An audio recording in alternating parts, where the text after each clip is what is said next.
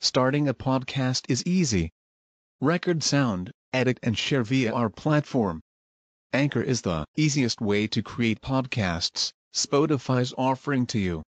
Distribute your podcasts to the most popular listening platforms, including Spotify, Apple Podcasts, Google Podcasts, and more, with just one tap. Download the free app to start your podcast with the versatile platform from Anchor. Thank you. بسم الله الرحمن الرحيم الحمد لله حمدا كثيرا طيبا مباركا فيه كما يحب ربنا ويرضاه أشهد أن لا إله إلا الله وحده لا شريك له وأشهد أن محمدا عبده ورسوله صلى الله عليه alihi wa ashabihi wa man tabi'ahum bi ihsanin ila yaumiddin. Amma ba'd. Yarhamukallah. Ikhwanil kiram rahimani wa rahimakumullah. Sebagaimana kita ketahui bersama, sembilan hari telah berlalu dari sepuluh awal bulan Dhul Hijjah. Dan Alhamdulillah atas taufik dari Allah Subhanahu wa taala di mana Allah Subhanahu wa taala berikan kemudahan kepada kita untuk mengisi hari-hari yang lalu dengan ibadah-ibadah yang dimudahkan dan kita mampu. Terutama tadi pada hari Arafah, semoga Allah Subhanahu wa taala memberikan pengkabulan kepada kita semua dan menerimanya sebagai amalan saleh. Dan kita berada di malam yang ke-10 Yang besok ikhwanifillah yaitu Yaumun Nahar Merupakan hari yang tidak asing bagi kita yaitu hari raya kaum muslimin Idul Adha yang para ulama rahimahullahu taala menegaskan bahwasanya Idul Adha afdal min Idul Fitr Idul Adha lebih utama daripada Idul Fitr. Dan ini tidak syak akhanifillah dikarenakan terkumpul pada Idul Adha keutamaan-keutamaan yang banyak. Bahkan Rasulullah sallallahu alaihi wasallam dalam hadis yang diriwayatkan oleh Abu Dawud rahimahullahu taala dan disahihkan oleh Syalbani rahimahullahu taala Beliau menegaskan inna a'zamal ayyam 'indallahi yaumun nahar. Inna a'zamal ayyami 'indallahi yaumun nahar. Sungguhnya seagung-agung hari di sisi Allah Subhanahu wa taala yaitu yaumun nahar.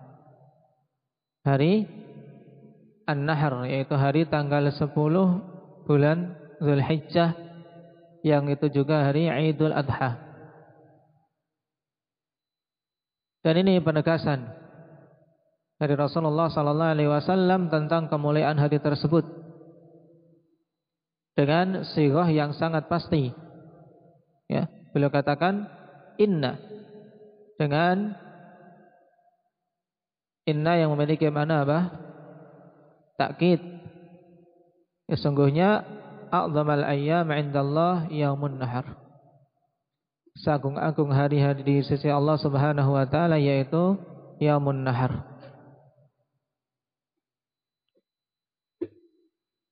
Adapun tadi hari Arafah itu adalah hari yang paling utama untuk berdoa. Naam. Tayyib khairud du'a afdalud du'a atau khairud du'a doa yaumi Arafah. Sebaik-baik doa adalah doa pada hari Arafah. Demikian pula pada hari Idul Adha khanifillah terkumpul keutamaan yang lain yang dikenal hari tersebut dengan Yaumul Hajjil Akbar. Jadi penamaannya ya Idul Adha ya Yaumun Nahar yang merupakan afdalul ayyam indallah juga dikenal dengan apa? Yaumul Hajjil Akbar. Hari Al-Hajjil Akbar. Kenapa dinamakan hari Al-Hajjil Akbar? Dikarenakan pada hari tersebut terkumpul amalan-amalan haji yang paling banyak. Ya paling banyak dari amalan-amalan haji terkumpul pada hari ini. Oleh karena itulah ketika Nabi Shallallahu Alaihi Wasallam berdiri pada hari Nahar di antara dua jumrah pada haji wada sebagaimana dikhabarkan oleh Ibnu Umar radhiyallahu anhuma beliau mengatakan hadza yaumul hajjil akbar ini dalam dalam riwayat Bukhari ini adalah haji eh, ini adalah hari haji akbar mayoritas apa kenapa dinamakan tanggal 10 Zulhijjah dengan Yaumul Hajjil Akbar? Kenapa Ukasha? Karena mayoritas amalan haji terkumpul pada hari tersebut yang meliputi lima amalan utama ikhwan. Yang pertama yaitu Ramyu Jumratil Aqabah, melempar jumrah Aqabah. Yang kedua an-nahar, penyembelihan hadi dan udhiyah. Penyembelihan udhiyah. Yang ketiga al-halqu awit taksir, tergantung. Nah, yaitu mencukur rambut, baik digundul dan ini yang lebih utama bagi para laki-laki atau memangkas, memendekkan ini untuk para wanita. Karena wanita tidak boleh digundul. Kemudian yang keempat tawaf. Yang kelima sa'i. Nah, yang sering diistilahkan atau untuk menyingkat ikhwanifillah urut-urutannya Nahar biasa disebut zabah juga, penyembelihan. Ya, radaha. Naam. Radaha tosa. Yaitu ra rami, zal zabah menyembelih, ha apa? Halq. Kemudian to tawaf, sin apa? Sa'i. Ini lima amalan Naam yang terkumpul pada apa? Pada yaumun nahar bagi orang-orang yang berhaji. Nasallallahu at-taufiq. Nah ini tiga keutamaan pokok hari tanggal 10 bulan Zulhijjah. Apa saja Mbak Ya, keutamaannya tiga keutamaan pokok tanggal 10 bulan Zulhijjah apa saja yang pertama tadi?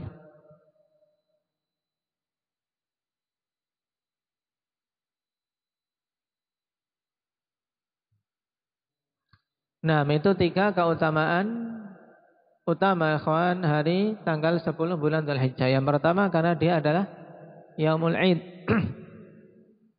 Yaumul Idul Adha, Idul kaum muslimin. Tentunya hari utama. Yang Rasulullah sallallahu alaihi wasallam telah tegaskan bahwasanya itu pemberian ganti dari Allah Subhanahu wa taala yang lebih bagus daripada Id yang dulu dilakukan oleh orang-orang Madinah. Naam.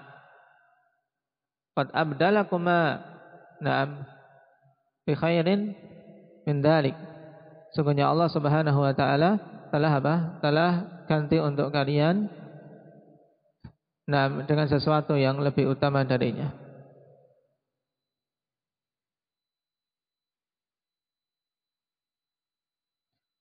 Kemudian yang kedua apa? Karena itu hari yang paling utama. Inna afdhalal ayyam indallah yaumun nahar. Kemudian yang ketiga karena itu adalah yaumul hajjil akbar. Ya, kenapa disebut yaumul hajjil akbar? Baru tadi jelaskan kenapa apa Muhammad? Karena terkumpul padanya mayoritas amalan haji apa saja?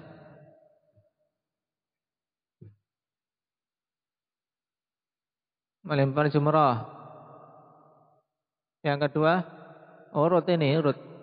Harus urut ini. Yang sunnahnya urut sebagaimana urutan tadi.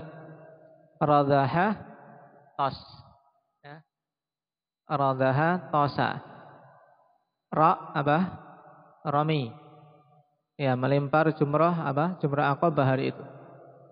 Kemudian za zabah apa? Menyembelih. Kemudian ha halq gundul ya kemudian ta apa ta tawaf kemudian sa sin sa'i ya udah nanti kalau haji jangan bingung ya semoga bisa haji semua. Nah saya. Nasallallahu taufik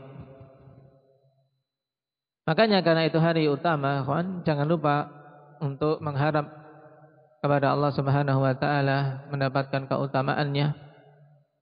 Nah, dan juga terkhusus bagi yang Allah Subhanahu wa taala mudahkan untuk bisa menyembelih udhiyah untuk betul-betul mengharap pahala sisi Allah Subhanahu wa taala dan memohon agar diterima amalannya.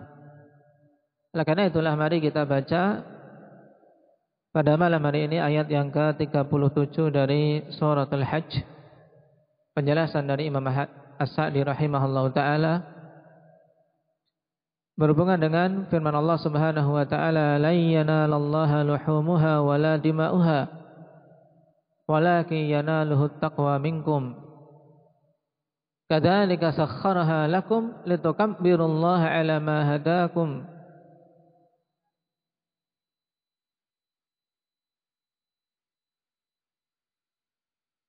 Kadzalika sakhkharaha lakum litukabbirullaha ala ma hadakum wa basyiril muhsinin. Sungguh tidak akan sampai kepada Allah Subhanahu wa taala daging-dagingnya dan darah-darahnya. Akan tapi yang akan sampai kepada Allah Subhanahu wa taala adalah ketakwaan dari kalian. Demikianlah Allah Subhanahu wa taala tundukkan untuk kalian. Nah, kadzalika sakhkharaha lakum. Allah tundukkan untuk kalian binatang-binatang ternak untuk apa? Litukabbirullah agar kalian mengagungkan Allah Subhanahu wa taala. Dengan mengorbankan semata-mata karenanya dan juga sebagai bentuk apa? Bentuk kesyukuran atas hidayah yang Allah Subhanahu wa taala berikan ala. Sebagai apa? Bentuk kesyukuran atas hidayah yang Allah Subhanahu wa taala kepada kepada kalian. Allah berikan pada kalian wa basyiril muhsinin dan berikan kabar gembira kepada orang-orang yang berbuat ihsan. Imam Asadi rahimahullah taala mengatakan Ay laisal maqsudu minha dhabhuha faqat wala yanalullaha min luhumiha wala dima'iha syai' likaunihil ghani al-hamid likaunihil ghani al-hamid maksudnya bukan merupakan tujuan utama dari penyembelihan korban hanya sekedar menyembelih saja nah walaupun telah kita lewat ya kawan dalam pembahasan sunnah-sunnah dalam penyembelihan. Bahwasanya di antara amalan-amalan seorang hamba dalam udhiyah itu bertingkat-tingkat keutamaannya. Mulai yang paling utama yaitu dengan unta, kemudian di bawahnya sapi dan di bawahnya kambing. Cuma jangan sampai seorang lalai bahwasanya menjadi tujuan utama dari penyembelihan itu adalah apa? Adalah untuk mengagungkan Allah Subhanahu wa taala di mana kita korbankan sebagian yang Allah Subhanahu wa taala rezekikan semata-mata karena Allah. Di sinilah ikhwan, kenapa kok yang utama kalau mampu untuk menyembelih sendiri? Karena seorang ketika mengorbankan nah binatang udhiyahnya kemudian dia menyembelih sendiri di situ diharapkan betul-betul terkumpul padanya apa terkumpul padanya nah, pengagungan pada Allah Subhanahu wa taala kemudian memohon kepada Allah Subhanahu wa taala agar diterima. Cuman juga diperbolehkan untuk mewakilkan ketika naam punya uzur. Sebagaimana Rasulullah sallallahu alaihi wasallam pada naam sebagian binatang-binatang sembelihan naam udhiyah beliau mewakilkan kepada Ali bin Abi Thalib radhiyallahu anhu. Karena beliau nah saat itu tidak hanya satu saja ya menyembelihnya. Nah, kata Imam Asadi rahimahullah, laisal maqsudu dhamhuha faqat. Ya, bukanlah maksud dari penyembelihan korban itu penyembelihannya saja. Tapi tadi pengagungan terhadap Allah Subhanahu wa taala. Wala yanalullaha min luhumiha wala dima'iha syai' dan tidak mencapai Allah Subhanahu wa taala dari daging-dagingnya dan darahnya sedikit pun tidak akan sampai pada Allah Subhanahu wa taala. Dikarenakan Allah Subhanahu wa taala adalah Al-Ghani Al-Hamid. Zat yang maha kaya, tidak butuh kepada sesuatu pun apalagi daging maupun darah. Allah tidak butuh karena Allah Subhanahu wa taala Maha Kaya. Demikian pula Al-Hamid, zat yang maha terpuji, yang maha sempurna. Nah, lalu kenapa Allah Subhanahu wa taala syariatkan hal tersebut? Karena diinginkan dari hamba-hambanya ini betul-betul mengagungkan Allah tabaraka wa taala. Sehingga yang sampai kepada Allah wa innama yanaluhul ikhlasu fiha wal ihtisabu wan niyatus salihah. Nah, ini yang harus betul-betul dijaga, ditata. Dan hanyalah yang akan sampai kepada Allah Subhanahu wa taala adalah keikhlasan pada amalan tersebut serta ihtisab yaitu rasa harap pada Allah Subhanahu wa taala dan niat yang baik ya niat yang salih. Bukan apa? Bukan niatan-niatan karena selain Allah Subhanahu wa taala. Naam. Walihada qal oleh karena itulah Allah Subhanahu wa taala katakan setelahnya walakin yanaluhut taqwa minkum. Akan tapi akan sampai kepada Allah Subhanahu wa taala adalah ketakwaan dari kalian. Qala fa fi hadza hathun wa targhibun 'ala al-ikhlasi fin nahr. Maka pada perkataan Allah Subhanahu wa taala ini ada dorongan dan hasungan untuk ikhlas dalam penyembelihan. Nah, betul-betul mengusahakan untuk ikhlas karena Allah Subhanahu wa taala karena itulah yang akan diterima. Jangan sampai seorang hamba ikhwanifillah, na'am telah mengorbankan sesuatu tapi ternyata tidak mendapatkan bagian. Makanya ditata keikhlasannya untuk memohon pahala dari Allah Subhanahu wa taala dan keridhaannya. Wa an yakuna al-qasdu wajhallahi wahdah dan dorongan agar tujuan utama adalah mengharapkan wajah Allah Subhanahu wa taala semata la fakhran wala riya'an wala sum'atan wala mujarrada adah. Nah ini. Bukan karena fakhr, bukan karena untuk berbangga-bangga. Nah, untuk apa? Berbangga-bangga membanggakan diri atas yang lainnya. Wala riya tidak pula karena ingin dilihat. Ya, tidak ingin dilihat. Taib wala sum'ah juga bukan karena sekadar ingin didengar. Nah, ingin didengar pada zaman sekarang, ingin viral, ingin terkenal. Nah, wala mujarrada ada dan juga jangan nah, hanya sekedar kebiasaan karena setiap tahun dia berkorban, ya, setiap tahun tahun berkorban maka kemudian jadi adat tok kebiasaan. Tidak ada ihtisab, tidak ada rasa harap pada Allah Subhanahu wa taala.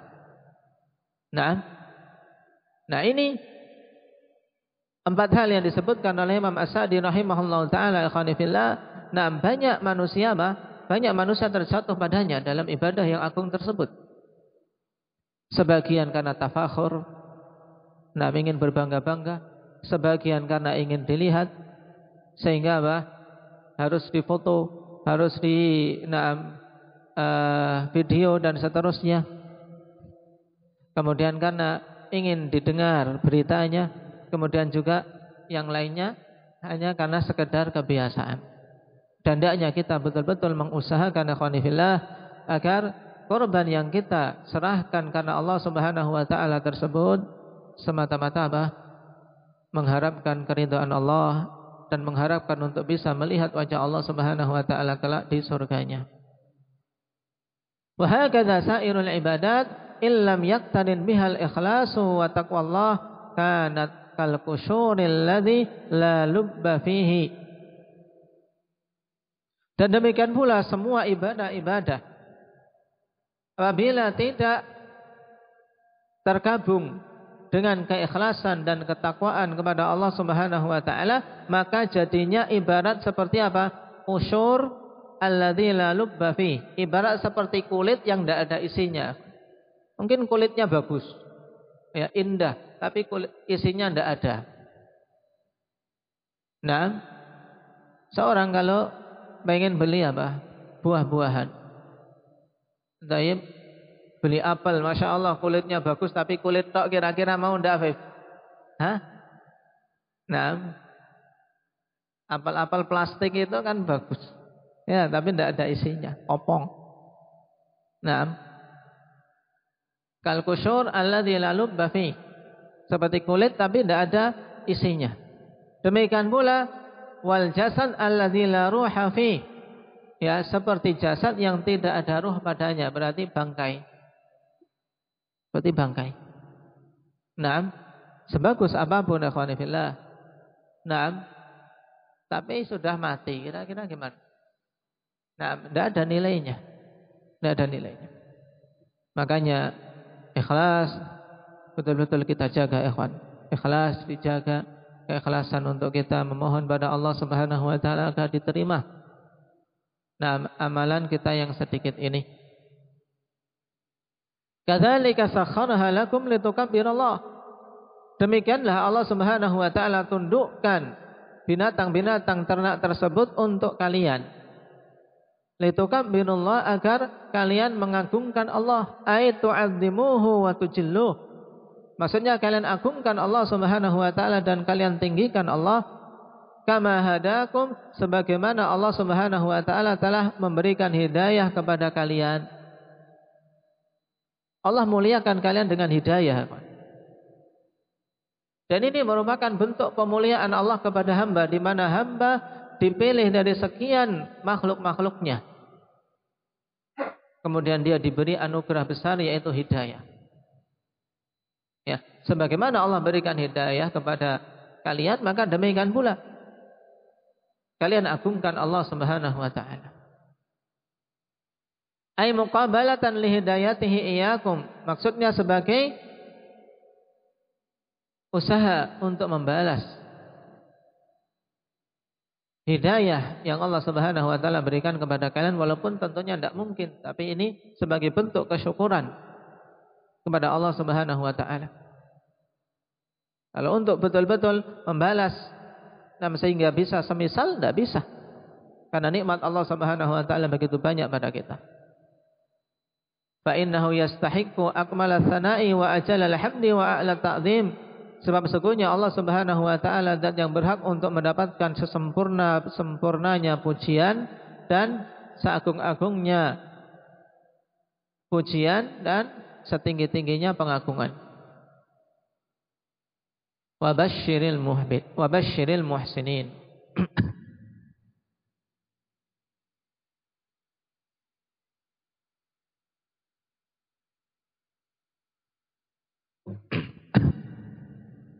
Dan berikan kabar gembira kepada para muhsinin yaitu orang-orang yang berbuat baik. Dan ihsan ini aba ikhwani fillah berbuat baik bi ibadatillah dengan peribadatan kepada Allah Subhanahu wa taala. Dan ini umum mencakup siapa saja yang memperbagus ibadahnya pada Allah Subhanahu wa taala. seseorang yang belum diberi kemudahan untuk nah, berkorban, maka berusaha untuk mengumpulkan amalan dari jalan yang lain yang Allah Subhanahu wa taala bukakan. Karena pintu-pintu kebaikan ikhwanifillah sangat banyak. Ketika Allah belum mudahkan salah satu pintu, jangan kemudian sia-siakan pintu-pintu yang lain. Nah, jangan siakan pintu-pintu yang lain. Wabashiril muhsinin. Berikan kabar gembira kepada orang-orang yang berbuat baik dengan peribadatan kepada Allah. Bi an ya'budullaha ka'annahum yarawnahu Fa in lam yasilu ila hadhihi darajah falyabuduhu mu'taqidina waqta ibadatihim ittila'ahu alaihim wa ru'yatahu iyyahum. Yang ihsan dalam beribadatan kepada Allah yaitu dengan mereka beribadah kepada Allah seakan-akan mereka betul-betul melihat Allah. Ini puncak ihsan dalam ibadah.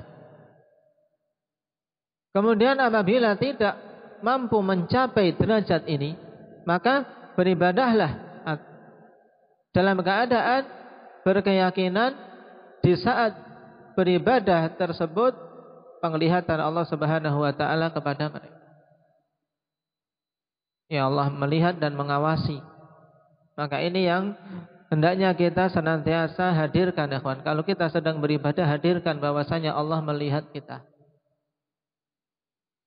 Karena ini merupakan salah satu pendorong terbesar untuk kita bisa apa? memperbagus ibadah. Kalau kita yakin Allah melihat kita. Kalau Allah melihat kita berarti usahakan ibadah yang bagus. Di sisi yang lain juga apa? Usahakan yang ikhlas. Wal muhsinina li'ibadillahi bi jami'i wujudil ihsan dan orang-orang yang berbuat baik terhadap hamba-hamba Allah. Karena ihsan terbagi menjadi dua. Ihsan bi ibadatillah dan ihsan li ibadillah. Ihsan kepada hamba-hamba Allah Subhanahu wa taala dengan semua bentuk-bentuk perbuatan ihsan. Min naf'i malin aw ilmin aw jahin aw nushin aw amrin bil ma'ruf aw nahyin an munkarin aw kalimatin thayyibatin wa nahwi dzalik. Perhatikan ini akhwan fillah contoh perbuatan ihsan kepada sesama hamba Allah Subhanahu wa taala baik itu berupa memberi, memberikan kemanfaatan dengan harta minaf imalin bagi siapa saja Allah Subhanahu wa taala bukakan pintu ini untuk memberikan kemanfaatan dengan rizki berupa harta yang Allah Subhanahu wa taala mudahkan dan anugerahkan maka masuki pintu tersebut karena tidak semua orang juga bisa apa? Bisa memasukinya. Allah bagi-bagi kepada hamba-hambanya akhwanifillah peluang-peluang untuk ibadah. Maka kapan saja dibukakan peluang untuk kita, jangan sekali-kali kita menyia-nyiakannya. Karena bisa saja setelah itu peluang tersebut tertutup padahal kita di waktu mendatang ternyata berharap untuk bisa mendapatkannya.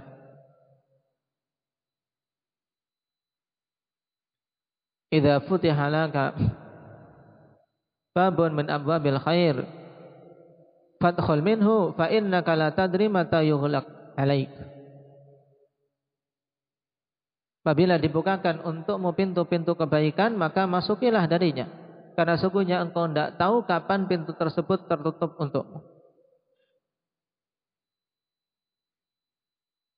Au ilmin atau berbuat ihsan dengan memberikan kemanfaatan berupa ilmu. Dan ini ya juga merupakan seutama-utama ihsan. Bahkan jelas datang nas bahwasanya ihsan dari jenis ini ihsan yang tidak akan terputus pahalanya.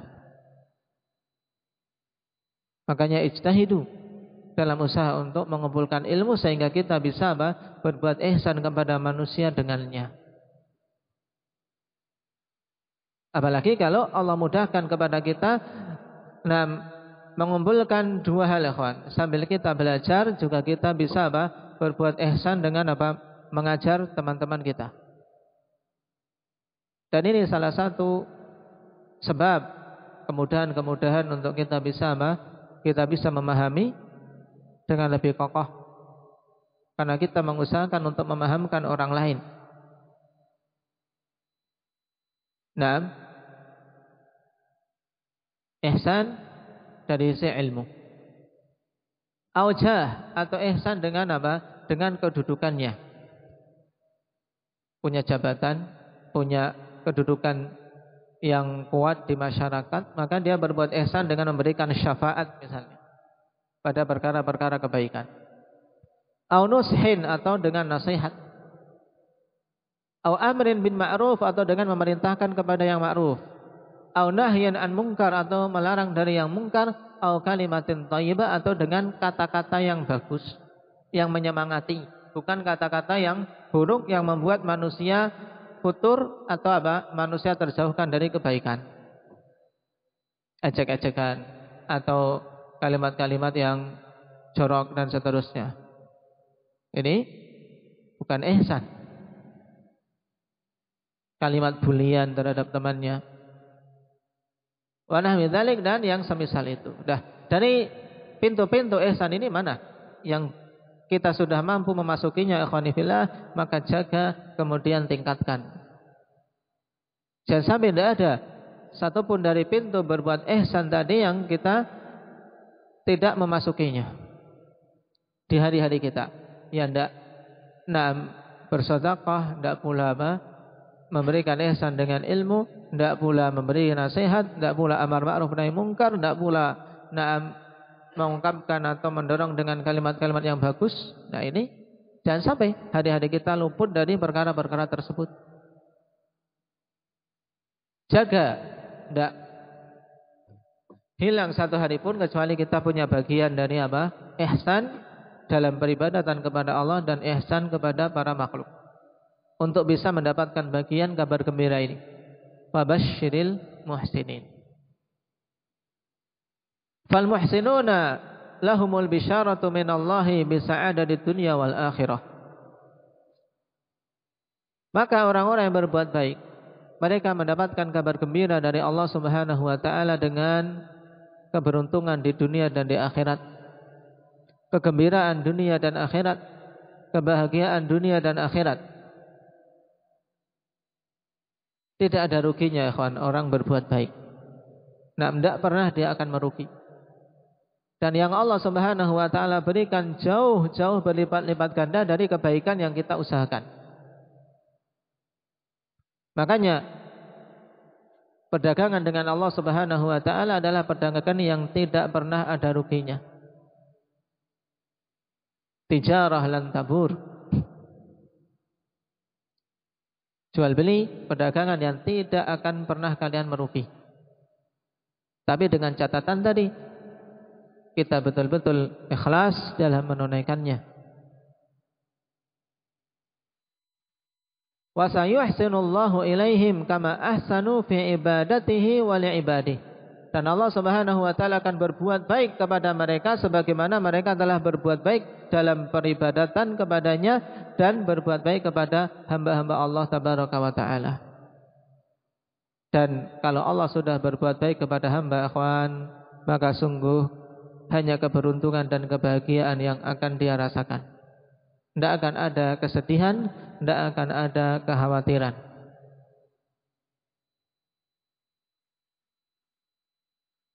Hal jazaul ihsan ilal ihsan. Tidaklah ada balasan bagi perbuatan baik kecuali kebaikan juga.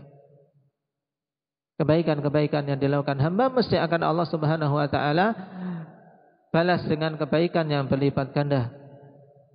Dan bahkan Allah tambah sebagaimana dalam ayat yang lain lilladzina ahsanul husna wa ziyadah bagi orang-orang yang berbuat ihsan al-husna sebagai apa? Balasan ihsannya dan Allah tambah dengan kenikmatan yang lain yang tidak terkira yaitu melihat wajahnya yang mulia.